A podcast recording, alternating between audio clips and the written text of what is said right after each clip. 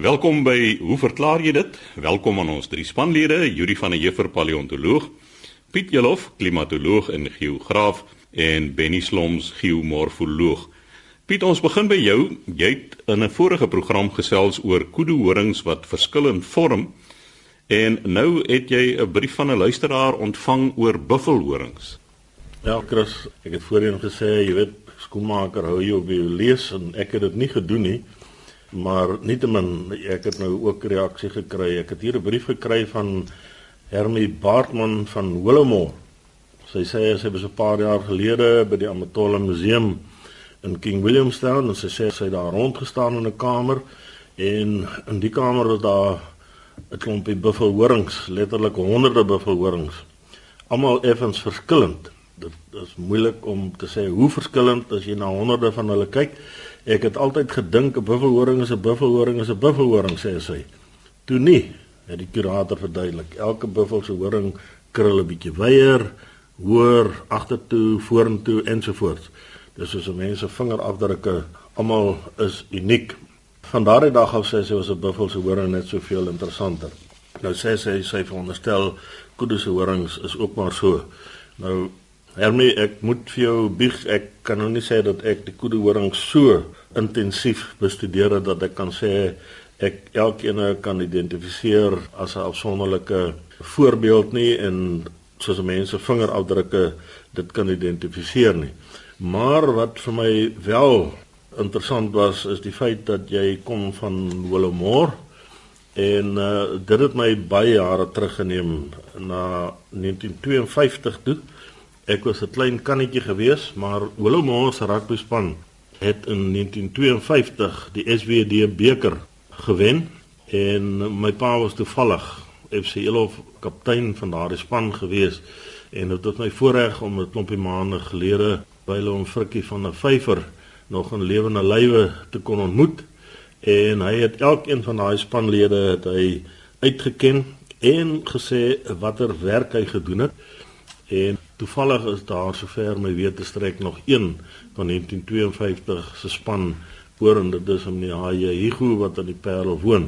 Nou daardie span van Willowmore het sewe provinsiale spelers gehad plus een Springbok agste man. So dit was baie lekker om te lees dat iemand van Willowmore ook na ons program luister. Ek moet egter vir jou sê dat die hele kwessie van identifisering van horings as vingerafdrukke, dit is nog 'n bietjie duiser vir my. Dit kan ek nie bevestig nie. En Chris, dan het ek 'n tweede brief hier gehad van Elmie van Bloemfontein. En dit het maar gegaan oor die jag van wild en jagters. Sy sê, "Hoe kan julle so wreed wees om diere dood te skiet?" Nou, Elmie, ek wil net vir jou sê ek jag al van kleintyd af. Mossies met 'n ketty Maar interessant, nooit 'n Jan Fiskaal nie. Want so het ek groot geword, jy skiet nie Jan Fiskaal nie want jy kan hom nie eet nie. Wie kan hom eet maar niemand van ons het Jan Fiskaal geëet nie terwyl hy akedissies en springkane en ander klein voeltjies uit die neste uit gaan gryp en dan in die doringdraad of aan die wit dorings in die bome gaan ophang. Het ons hom in elk geval nooit geskiet nie. Tarntale, duwe, eende, wilmekoue, het ons geskiet want ons het dit benut, ons het dit gebruik. En dan wil ek eintlik net sê ek weet nou nie of jy deel is van die wat ons sou noem, ons jagters sou noem die greenies nie. Ek wil net sê as jy 'n slag afkyk na jou voete toe, wat het jy aan? Het jy plastiek skoene aan of het jy skoene aan wat van leer gemaak is? Jou handsak wat jy saam jou dra, is dit 'n leer handsak? Die lyfband wat jy of jou man om sy lyf het, is dit van leer gemaak? Die hoed wat hy dra, is dit 'n leerhoed? Die baadjie wat hy dra, is 'n leerbaadjie? Waar kom daardie leer vandaan? Iemand het daai dier doodgemaak. En mense sal nie hierdie goed dra van produkte of van diere wat van self dood gegaan het nie. Vis, die kreef wat die mense eet, die perlemoen wat ons nie eintlik meer mag uithaal nie, maar waarvan ons lees die persone vang wat meer as 1000 amper 2000 onskuldige perlemoene het. Daai perlemoene self hulle doppe afgegooi. Die krewels, die sushi wat ons so graag eet in die winkels, die tuna het hulle van self dood gegaan en toe die mense die tuna bymekaar gemaak en sushi gemaak. Is dit wat ons eet? Feit van die saak is al hierdie produkte wat ons gebruik en benut is produkte van diere, van amfibieë, noem dit wat jy wil, wat deur die mens doodgemaak is. Ons benut natuurlik as ons jag, benut ons die vleis. Die velle word gelooi, leer skoene of wat ook al word daarvan gemaak. Die niertjies, die hart, die lewer, selfs die nersderm word benut. Ons maak hom mooi skoon en ons stop hom vol niertjies en lewer en dan maak ons wat ons noem 'n pofadder. Ons gebruik dit. Die ingewande, die pens word gebruik deur baie mense wat van afval hou. Met ander woorde, wanneer ons jag, is dit nie net 'n kwessie van 'n die dier doodskiet nie. Ons benut alles wat ons kan van daardie spesifieke dier. En dan wil ek so ver gaan om te sê groente. As jy dan nou nie wil vis eet nie en jy wil nie vleis eet nie en jy eet groente, die wortel wat jy uit die grond uit uittrek en sy lobbe afsny, daai wortel nie gegroei nie. Die aardappel wat jy uithaal, het hy nie gegroei nie, sou hy van self doodgaan. En dan benut jy hom nadat hy klaar dood gegaan het. Die kool ensovoorts. Ek kan aanhou hiermee. Feit van die saak is as jy die jagters verkwalik, dan moet ek vir jou sê dit laat my dink aan 'n vrugteboord in die Koue Bokkeveld. Hier staan rye en rye appelbome en ek pluk 'n appel en ek vat 'n hap uit daai appel uit. En as ek die appel so kyk, dan sien ek maar daar krioel iets daar binne in. Dan besef ek maar dis net die helfte van hom wat daar krioel, die ander helfte het ek nou klaar ingesluk. Beteken dit nou ek moet daai hele boom afkap? Beteken dit ek moet daai hele boom of daai hele boord tot nut maak? Wat ek jou eintlik hierdeur wil sê is ja, daar mag wees vrot appels tussen die jagtersgemeenskap, maar daarom behoort ons aan jagtersverenigings en ons probeer om hierdie mense uit te wys en te sorg dat hulle nie die jagtersgemeenskap in 'n slegte lig stel nie. Net so in die gemeenskap waarin jy woon, in jou woonbuurt waar jy is, mag daar dalk iemand wees wat kriminele tendense het, beteken dit dat jou hele woonbuurt kriminele is? Dit werk nie heeltemal so nie. So Elmi, ek dink ons moet die jagters maar los en laat dit aan hulle oor om die slegte appels uit daai boord uit te verwyder. So sê Piet Elof, ons klimatoloog en geograaf en ook kranige jagter.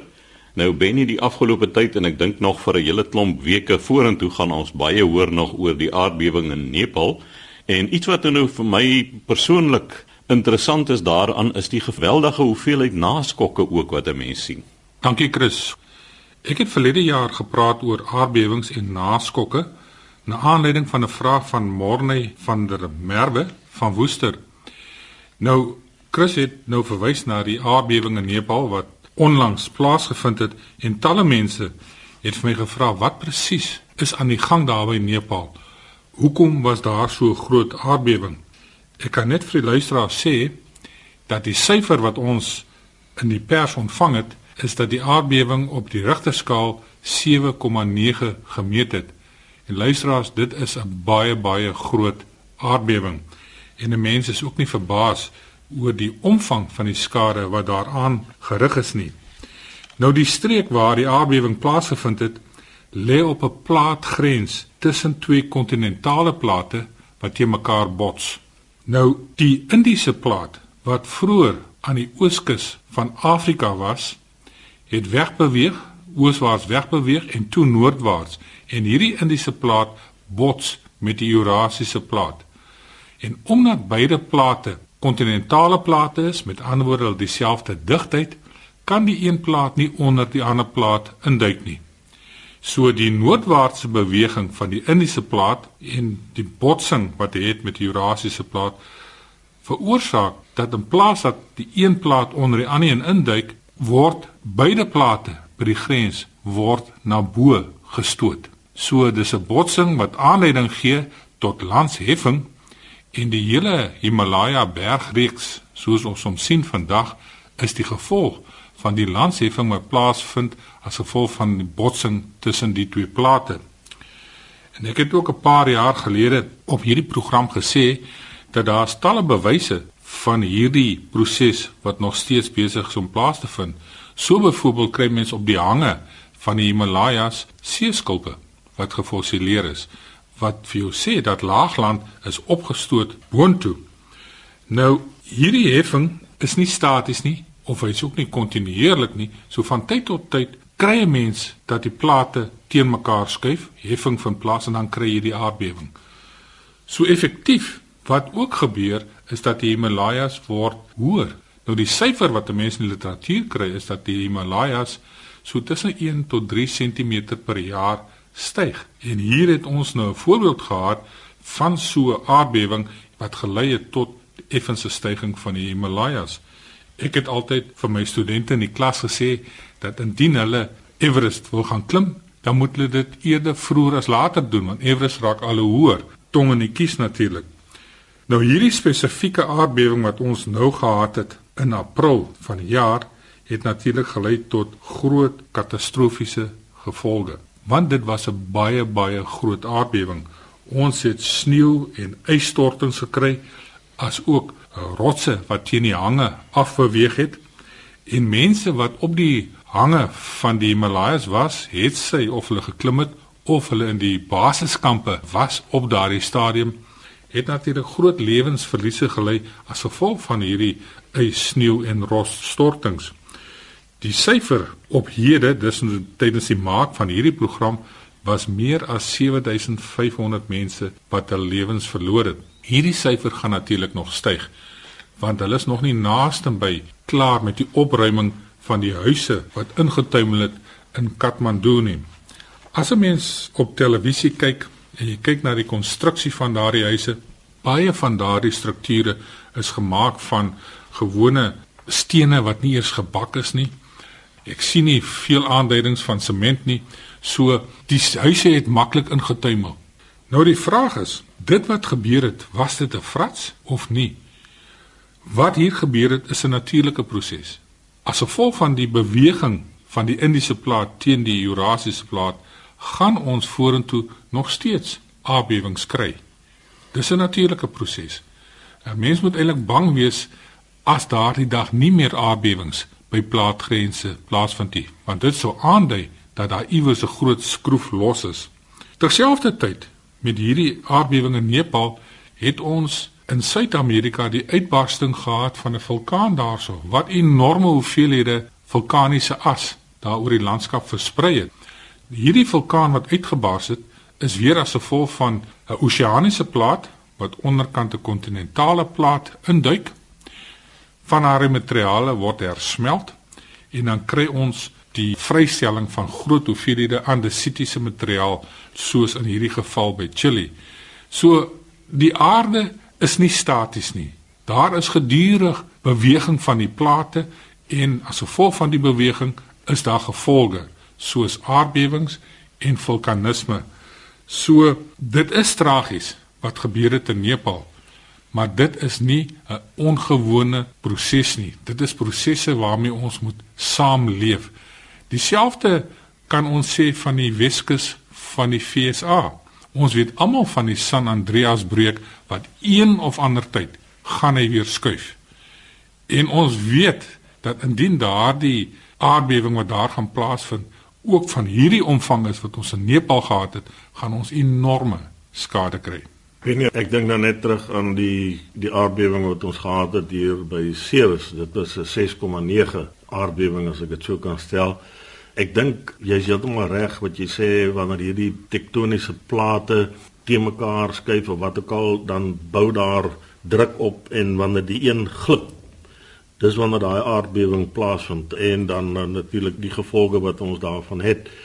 Ek dink as luisteraars net ook wil kyk alles het op die internet na kaarte van waar hierdie aardbewings plaasvind veral daar in die ooste waar onder andere Nepal lê dan sal hulle sien in watter omgewings hierdie aardbewings plaasvind of moontlik kan plaasvind. En indien dit dan plaasvind in die episentrum is onder die see dan ontwikkel die tsunamies wat uiteindelik dan ook tot groot lewensverlies lei in daardie spesifieke omgewing. So jy's heeltemal reg, dis iets waarmee ons moet saamleef en waaroor ons eintlik in Suid-Afrika moet baie dankbaar wees dat daar so 'n uh, redelike stabiele omgewing is waarin ons woon. Behalwe nou soos ek sê hier in die omgewing van Woester en Ceres en hierdie omgewings waar ons die normale aardbewings kan ervaar en na skokke kan kry. Jy help maar reg Piet. Ons hier in Suid-Afrika is in die middel van 'n groot kontinentale plaat. Ons is ver weg van 'n plaatgrens. Dit is hoekom ons nie eintlik aardbewings kry nie. Dit wat by Woester gebeur het, is blote verskuiwing tussen rotsformasies, die sogenaamde Woesterbreuk wat ons gekry het. Dit het niks met 'n plaatgrens te doen nie. 'n Ander interessante ding en ek het al van tevore ook hieroor gepraat, is dat die Richterskaal waarmee ons die intensiteit van aardskokke meet, is 'n logaritmiese skaal. Jy het gesê die Woesterbreuk was 6,9. Hierdie een by Nepal was 7,9. Omdat dit 'n logaritmiese skaal is, is die aardbewing wat ons by Nepal gekry het 100 maal groter sterker as wat ons by Ceres ervaar het. Benny in dieselfde tyd of net kort daarna was daar ook aardbewings by Nieu-Seeland, net suid van Nieu-Seeland as ek reg is. Is daar moontlik enige verband tussen die twee? Ek sou nie sê daar is 'n verband tussen die twee nie, Chris, maar die Stille Oseaan wat aan die ooste kant van Nieu-Seeland lê, dis ons grootste oseaan, reg rondom sy kus, kry ons plaatgrense in die middel van die oseaan is daar die mid-oseaniese rye waar plate wegbeweeg van mekaar, divergente sone en dan op die kante van die stille oseaan duik hulle oral onder kontinente in. En Nieu-Seeland is nie baie ver van 'n plaatgrens nie. Aan die ooskus van Nieu-Seeland is die stille oseaan kors besig om in te duik onderkante kontinentale kors. By Japan is daardie grens baie naby aan die kus. En dit is hoekom Japan byvoorbeeld gereeld aardbewings kry en ons het onlangs daardie grootte gehad wat daardie kernkragsentrale onder andere verwoes het. So sê Benny Sloms, ons geomorfoloog, laas dan die woord Juri van der Heever.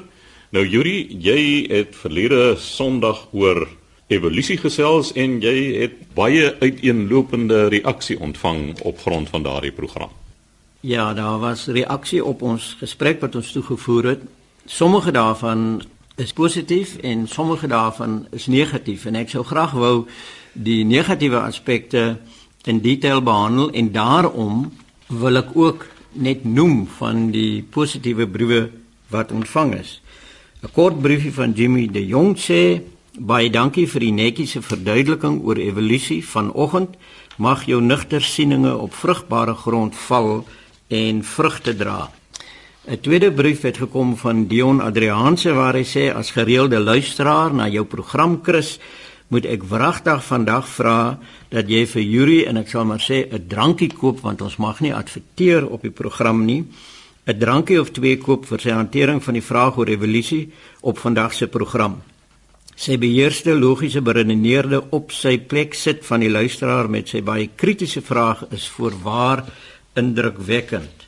Dan is daar 'n langer brief van 'n beswaarde dominee, dominee Jan Lou Kuiler van Durbanville waarin hy kapsie maak deur te sê hy het met groot ontsteltenis na die program geluister en hy moet daarom sê ter versagting dat die briefskrywer baie aanvallend, arrogant en ek dink selfs ook beledigend teenoor Yuri en sy standpunt oor evolusie was. Dan stel hy sy eie siening as volg: As teoloog handhaaf ek self die standpunt van nie transformistiese evolusie. Nou ek neem aan Jan Loo as jy praat van nie transformistiese evolusie beteken dit dat jy soos in die ou NG Kerk evolusie aanvaar binne spesies, maar dat daar nie nuwe spesies kan ontstaan nie. Ek neem aan nou dit is 'n bietjie van 'n oksimoron in die sin dat evolusie per definisie transformisties is. En sedert daarin is daar letterlik duisende, honderdduisende gevalle aangeteken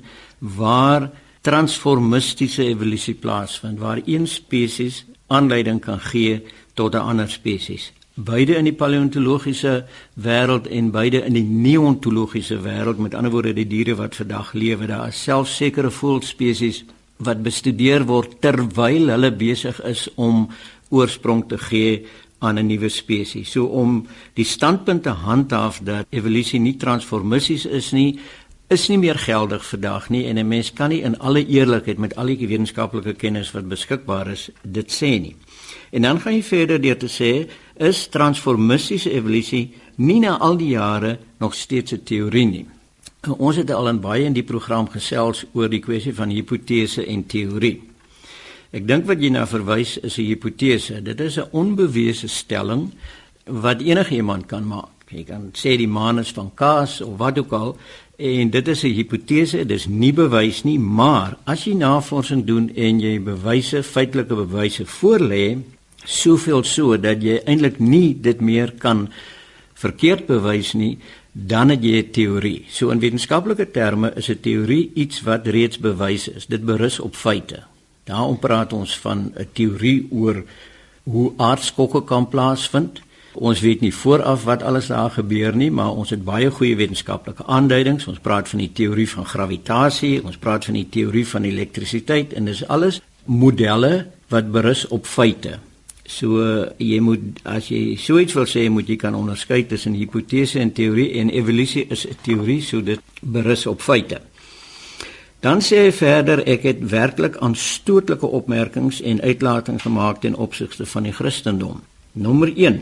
Hy het die unieke ewige bestaan van die enigste ware God bevraagteken. Van watter God praat die skrywer het hy gevra?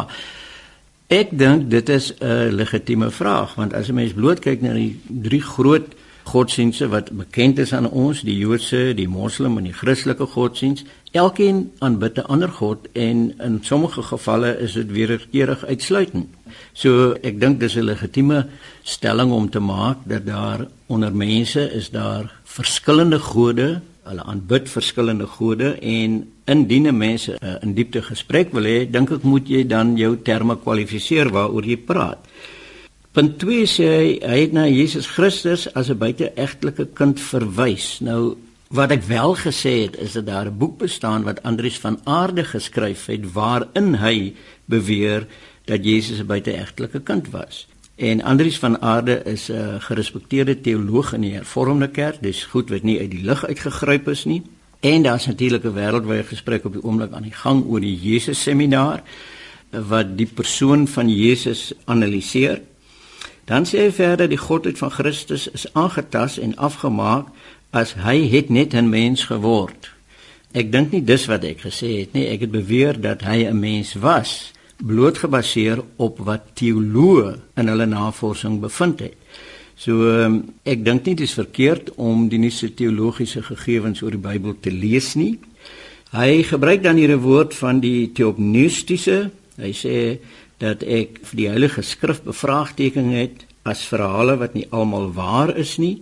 Ek dink dit is 'n gegewe dat alles wat in die Bybel staan nie waar is nie. Teoloë en predikante praat self daarvan. Hulle sê self die Bybel is nie 'n wetenskaplike handboek nie. En as 'n mens maar net vlugtig kyk na die verhaal van die vloed, die biologie wat in die Bybel gebruik word, die wiskunde wat in die Bybel gebruik word, is almal of vertalingsfoute of interpretasies van die tyd toe die Bybel geskryf is.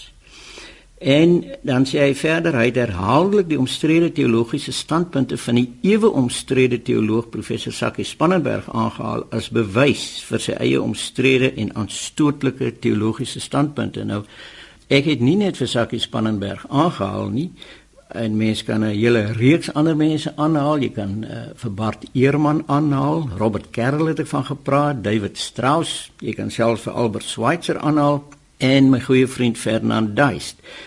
Dit sê vir mense dat hierdie idees oor die Bybel al baie baie ver kom en Jacques Spannenberg noem dit in sy boek dat hierdie idees waaroor ons praat is oud.